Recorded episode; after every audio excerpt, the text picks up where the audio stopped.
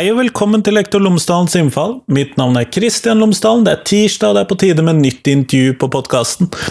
Denne uken så er det klart for intervju nummer, dvs. Si episode nummer 133 på podkasten, og det er et intervju med Berit Andersen og Thomas Haugan Hepsø fra Medietilsynet. Jeg traff de begge to på Z-dagene som var i slutten av november, og da snakket vi om barnas digitale liv, hva Medietilsynet tenker at vi voksne trenger å tenke på, hva vi må vite, hva vi må gjøre i forhold til barns mediebruk og den digitaliteten de lever, som kanskje nok er annerledes enn hva vi gjør. I hvert fall foregår på en annen måte enn hva vi voksne driver med på nett og i det digitale. Så det tror jeg er interessant både som forelder og som lærer, i hvert fall for min del. Og så satser jeg på at du også setter pris på intervjuet. Her kommer det, vær så god.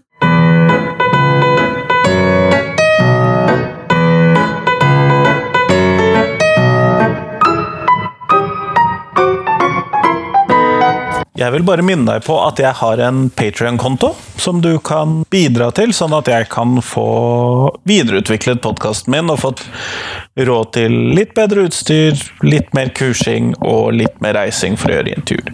Den kontoen finner du på patrion.com skråstrek lektor Lomsdalen. Patrion.com skråstrek lektor Lomsdalen. Tusen takk!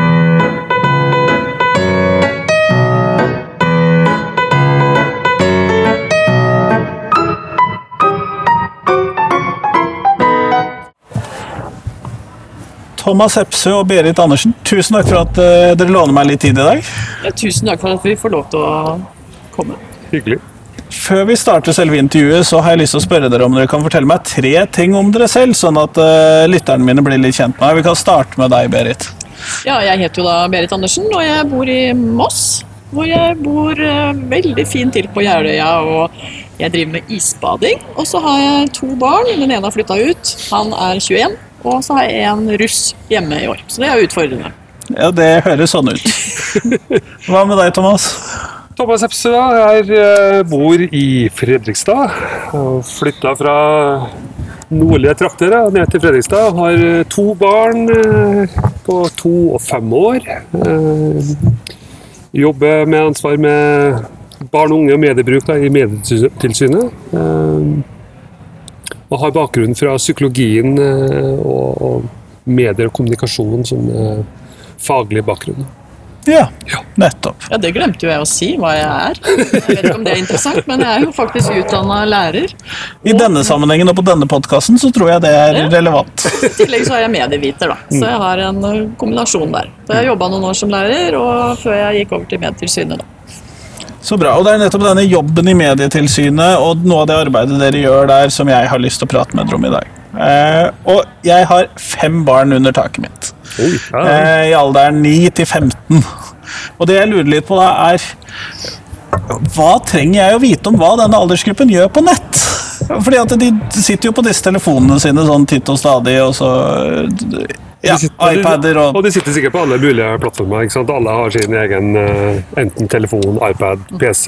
Ja, de har flere av disse, Og det er ingen som sitter på lineær-TV heller lenger. Sikkert ikke. Så- Det har hendt. Jeg har sett at det har skjedd. ja, ikke sant? Jeg vil komme med et sånn Ja. råd med en gang. Jeg. Ja, ja. Og det er som foreldre, hvis du har så mange barn, eh, så, så må du rett og slett spørre dem hva de driver med. Sette deg ned sammen med dem, være litt nysgjerrig. Det er det viktigste, tenker jeg. For det selv om man ikke har full oversikt eh, selv, så kan man faktisk få det ved å sette seg ned med hver og en av dem. Spørre hva driver du med? Å ja, er det dette, ja? Ja, vis meg litt. Da kanskje man eh, får bygd opp litt tillit rundt dette her, og eh, litt bedre håndteringskompetanse når det skulle, skulle dukke opp noe. Litt lettere å spørre mor eller far om hjelp også. Ja, når man allerede har tatt opp temaet og snakket Ja. om noen ting og Ja. Ja. Det tenker jeg er det aller tillit. viktigste. Det Bygge tillit. ja. Det er aller, aller viktigste. Da må du ha snakka litt om det, og du må jo kjenne til medievanene til barna dine. Altså, Kan ikke være helt grønn i begynnelsen. Nei, du kan ikke det. Hva er det, hva, er det, hva skjer på YouTube? Ikke sant? Hva er det på Snap, og hva er hva foregår? Så du må liksom la dette være en vanlig klassisk en liten samtale rundt middagsbordet av og til. Spørre hvordan du har hatt det, osv. Det er bare litt sånn nysgjerrighet. Altså. Så Klarer du å vise at du er engasjert rundt det, så tror jeg altså den samtalen om, om eventuelle kjipe ting som vil skje framover Og det, det, vil nok skje på noe ulikt tidspunkt, så er det liksom, da er det lettere å kunne ta den praten. Jeg tror det gjør, gjør deg en skikkelig tjeneste hvis du ta, bringe opp litt eh, som en sånn samtaleemne innimellom. Still, still, noen spørsmål liksom, og hør litt. Bry deg litt. Det betyr mye, og det er tilbake igjen. Altså, den, bygge den tilliten som Berit snakker om her, det er så avgjørende. da. Ja, for Det er jo mye interessante funn i Barn- og medieundersøkelsen, men det er jo ikke sikkert at det angår akkurat ditt barn. Eh, så at det kommer noen myndigheter og sier sånn og sånn er det, men det er ikke sikkert at det gjelder akkurat de fem barna dine. da. Så, Nei, men hvis vi, hvis vi, drar bildet litt ut fra de fem ungene ja. under taket mitt, ja. eh, hva vet vi da om mediebruken til det som da ofte er elevene mine? Mm. Eh, for jeg har jo elever og konfirmanter i 15-17-årsalderen. Hva vet vi om norske elever og barns eh, mediebruk? Altså, eh, de bruker jo mye tid, eh, og da særlig på sosiale medier. Og da snakker vi fra 11-12 år, så ser vi at det, da bruker man mye tid på det. Og da er det særlig Snap, men også på Instagram og Facebook. Det er liksom og Discord. Det er de fire hvor de bruker mye tid på. Så kommer det an på om man er gamer og spiller mye. og Vi ser at guttene bruker mye mer tid på det versus jentene. Jentene spiller det òg, men guttene er helt klart uh, bruker mest tid på det. YouTube også. Guttene bruker mer tid på YouTube enn jentene. Eh, mens på Instagram, sosiale medier, så er nok jentene mer, eh, mer på der igjen, da.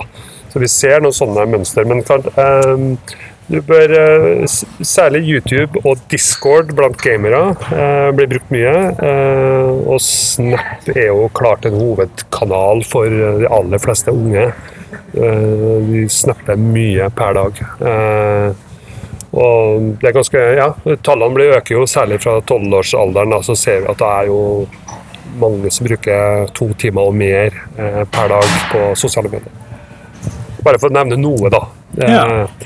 Eh, men man er jo på selvfølgelig på andre. Man ser jo nyheter og leser Det er en kombinasjon av både litt fra skolearbeid og den type ting, men det er jo hovedsakelig kommunikasjon, altså vennskap, deling av Sjekk ut den altså nyhets... Uh, ting som skjer, og kommentere og dele. Og Da er vi inne på det som vi er litt opptatt av, at man tenker litt gjennom før man, hva, altså, hva som ligger i det, før man deler. da, At man tenker litt gjennom det. Det går litt fort, uh, for å si det sånn. Ja, Hva tenker dere på da? Da tenker jeg på uh, ting man kommer over, altså som er litt sensasjonsprega, kanskje. Det er litt nyhetsting som er litt sånn, god gammeldags sladder, eller ting som er av superstjerne som du følger, eller som uh, du er litt opptatt av. Uh, det er ikke nødvendigvis alt det der som trenger å være helt sant. Det kan være tatt ut av sammenheng, det kan være fordreining av virkeligheten osv. Det går veldig fort. da. Uh, og du ser Det er det som er ofte det som skjer, at det bare sprer seg ikke sant, vanvittig fart. Og da er det liksom på en måte gjort. Du klarer ikke å reversere det. Og det er liksom og det er litt sånn også hvis det kommer private bilder. da, hvis av en annen, fra en eller annen tilstelning hvor du har en, en, i klassen din som har gjort noe som kanskje er på en måte er litt dumt og veldig morsomt å se på. Så det er ikke nødvendigvis at, det at du skal spre det rundt. så Det er det som har en del historier på. da, Og det ofte kan bli ganske negativt kjedelig for de som det gjelder. da. Men det er jo altså, det her er jo bare i noen tilfeller. Hovedsakelig så er det jo positivt mye rundt bruk, mediebruk, altså barn og unge. Det er det jo. Men dessverre, i noen sammenhenger så kan du si at det blir eh, Da, da bør man tenke seg om før man deler den eh, der. Du vet at det kan være eh, svært negativt for den det gjelder, for det, for det første. Du klarer ikke å få fjerna det. Da har det spredt seg overalt. og Det er ofte det som er, det er da du får en sånn kjipe opplevelser. For da har du ikke kontroll da, over, over det innholdet. Ja, men Inne i foredraget deres i dag var på Z-dagene, så snakket dere om kritisk medieforståelse. Berit, kunne du fortelle meg hva det er for noe? Ja, Det handler jo veldig mye om eh, kildekritikk, bl.a. Eh, det at man er kritisk til det man leser og, og gjør. Eh, jeg var jo også inne på dette med læreplanene, som har ganske sånn tydelig fokus på, på kildekritikk i norskfag bl.a. Men i de læreplanene så er f.eks. dette med tekstbegrepet det er ikke noe særlig, særlig definert. Eh, Fra Medtilsynets ståsted så tenker vi at tekst er ikke bare skriftlig tekst, f.eks. Det er jo bilder, film, eh, plakater osv. Alt dette som man må, må kunne forholde seg til eh, hvis man skal bli en demokratisk medborger. Så, så det er liksom innenfor det feltet, da. Og Det er jo derfor også vi har laget denne ressursen sammen, faktisk.no og Du bestemmer, som heter Falske nyheter, kritisk medieforståelse. Som lærerne da kan bruke i skolesammenheng. Den er jo først og fremst beregnet på ungdomsskolen, men kan fint også bruke enkelte av aktivitetene der til litt, litt yngre. Um, Det er jo det at man skal kunne skille eh, på fakta og meninger, f.eks. Så det er, eh, det er jo en av de tingene. Klar, men eh, får elevene nok informasjon om disse tingene i dag, eller er dette noe som dere prøver også å pushe mer av inn i skolen? Ja, altså Vi vet jo ikke helt uh, hvordan tilstanden er uh, akkurat nå, men uh, nå skal faktisk Metilsynet i gang med en sånn større undersøkelse for hele befolkningen. Da, for å, det vi kaller en sånn nullpunktsmåling, for å se hvordan tilstanden er på dette feltet akkurat nå. Og så at man måler det igjen da, om et år eller to, for å se om det har blitt en bedring ut fra målretta aktiviteter på det, på det feltet. Da. Men eh, Thomas var jo inne så vidt innom eh, dette feltet i en av undersøkelsene i den presentasjonen vi hadde, og den, eh, den gir jo noen signaler. Jeg vet ikke om du kan si litt mer om den? Med ungdomsundersøkelsen som vi gjennomførte i fjor.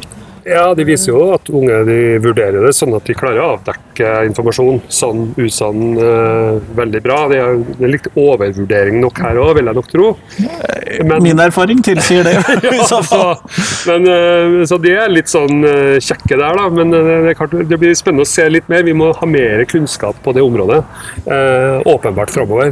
Men jeg, jeg må jo si at dette, dette feltet kritisk, altså dette arbeidet med å å, på en måte ruste unge da, til å bli kritiske medieborgere, altså som skal liksom ta valg og håndtere informasjon.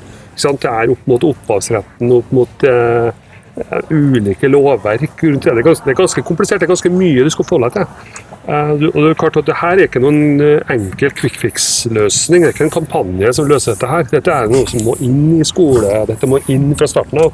Så det må, dette må virkelig bygge noe, noe solid da, eh, over tid. For å få, hvis man skal, for det kommer til teknologien, utviklingen går så fort. så det er så eh, Om to år fram i tid nå, så er det noe annet vi sitter og diskuterer. Et nytt fenomen og noen nye greier som vil på en måte sprenge nye grenser igjen. Så vi, vi må Vi må bygge noen noen vi må bygge noen store, ja. Noen store klare, tydelige rammer rundt dette, og så må man eh, legge inn massiv innsats, etter min mening, da, på, på det feltet. eh, og sammen med flere. Altså at det må, det må satses Ja, på det området. Jeg tenker jo at vi kan, altså Medtilsynet alene kan jo ikke Nei, nei. gjøre noe med dette hvis det ikke um, det blir fanget opp f.eks. i skolesammenheng. Da. Og Det er jo derfor jeg også er litt opptatt av at disse læreplanene blir så gode som mulig. Men det er klart, Står det ikke der, så blir det heller ikke prioritert. Um, Så, det sier seg litt, litt selv. Jeg har jo jobba som lærer selv, og jeg vet jo hvor utrolig travel hverdag det er, og hvor mange ting man skal igjennom. Står det ikke i læreplanen, så er sjansen ganske liten for at det blir eh, tatt opp. Så, så der bør det bare komme inn på kompetansemålene fra, fra grunnskolen. Det er veldig viktig. Og så kan heller Medtilsynet og andre samarbeidspartnere tilrettelegge med gode ressurser som kan brukes eventuelt på dette feltet. Da. Så det er mer vår jobb. Ja, men eh, eh, du startet jo, Berit, med å trekke inn hva jeg kunne gjøre rundt middagsbordet. Det gjorde dere vel strengt tatt begge to.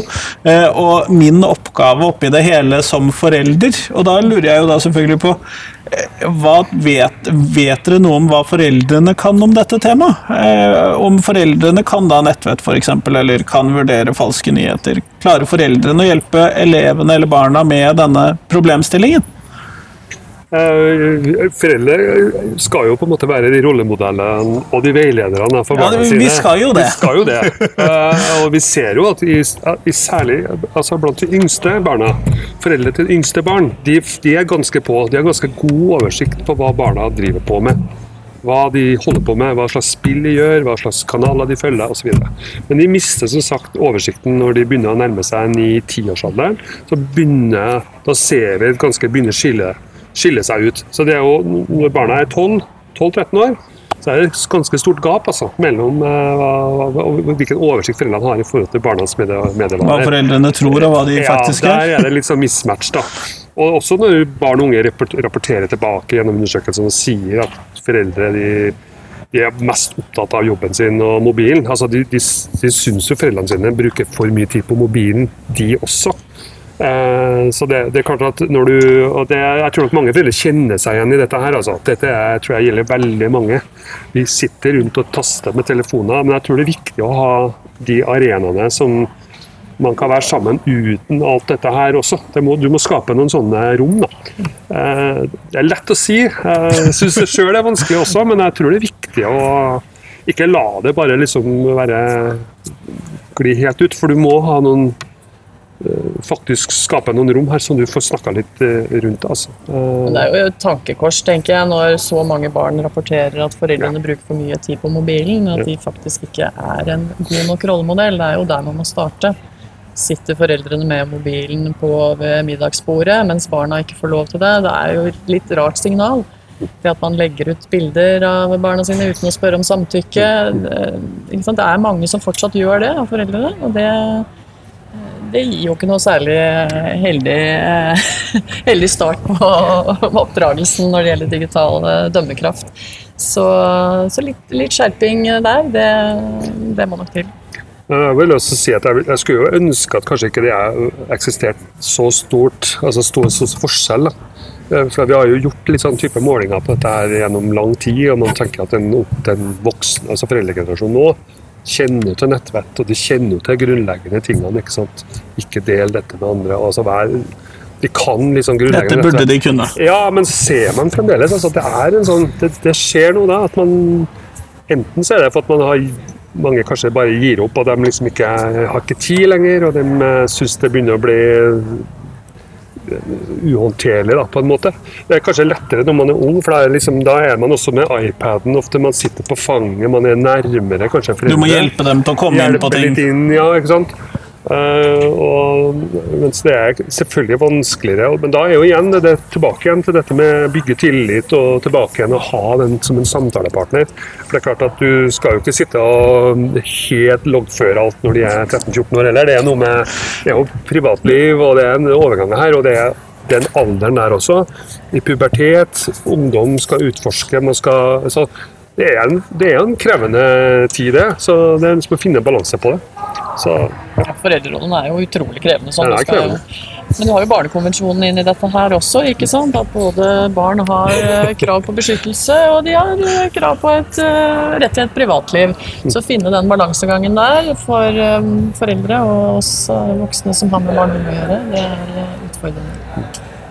Ja, det, det er jeg helt enig i. Eh, det skal jo legges opp på en måte som eh, gjør at man tilfredsstiller alle disse sånn, krav til beskyttelse og krav til ja.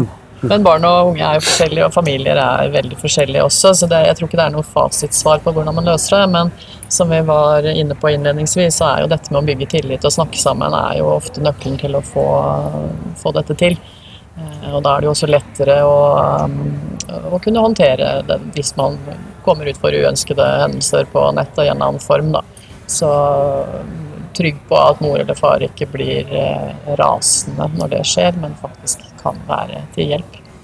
For vi er, må jo bygge robuste barn i forhold til dette her. Vi skal ikke stenge de ute. Eh, Så vi må være mer forberedt på hva som helst kan skje, og hvordan de skal håndtere det når det eventuelt dukker opp.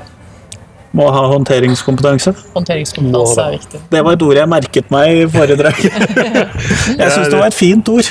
ja, det er, det er er viktig. Det er akkurat det der er viktig. Altså. Og det når vi vet at nesten halvparten av barn mellom 9 til 18 år ikke sier fra når de opplever noe ubehagelig på nettet. av eh, Enten om det er mobbing eller om det er noen bilder som er støtende. eller så er det liksom, det er noe der vi må gjøre noe. Vi må liksom skape mye mer eh, tillitsforhold og, tryggheten rundt det. Det, det, det, det handler mye om det. og det, det handler jo egentlig bare om den enkle samtalen. også, egentlig, i bunn og grunn. Det er jo mye sunn fornuft i dette her. Jeg tenker Man kommer veldig langt med det. Det er ikke sikkert at lover og regler kan løse problemene, men dette jeg står på dette med håndteringskompetansen er, er viktig. Å bygge robuste barn og unge som eh, lærer seg å leve i det livet som de faktisk er i. Og der digitale er en stor del av det i dag.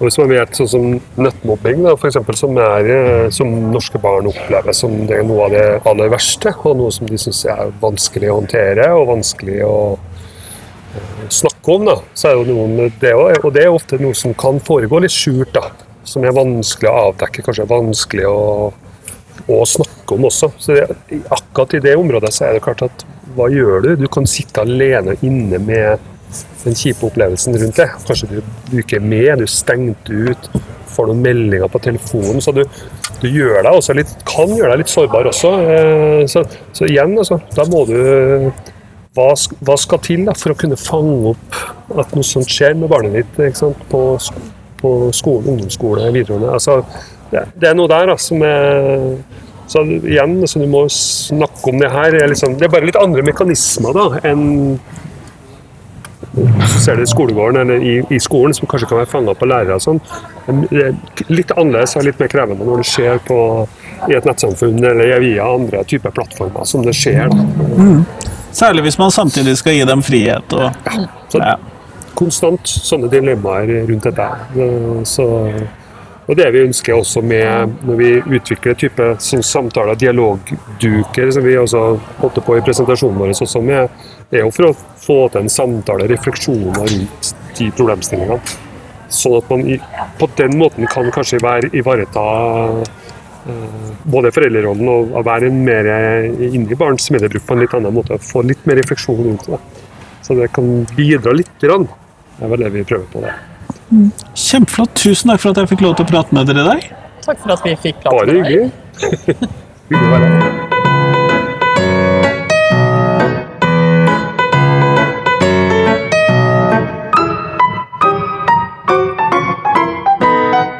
Tusen takk til Berit, og tusen takk til Thomas. Og selvfølgelig tusen takk til deg som hørte på. Nå er det en liten uke igjen, dvs. Si det er en hel uke, til neste podkastepisode. Da kommer det et intervju med Per Einar Binder, som er professor i psykologi ved Universitetet i Bergen. Han øh, skal jeg snakke med bl.a. om livsperfeksjonisme, psykisk øh, uhelse og helse, og stress. Blant de unge, selvfølgelig. Dette er jo en skolepodkast, tross alt.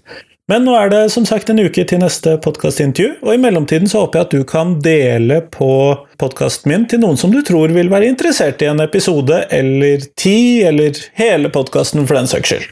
Men i hvert fall, fram til neste uke, hei hei!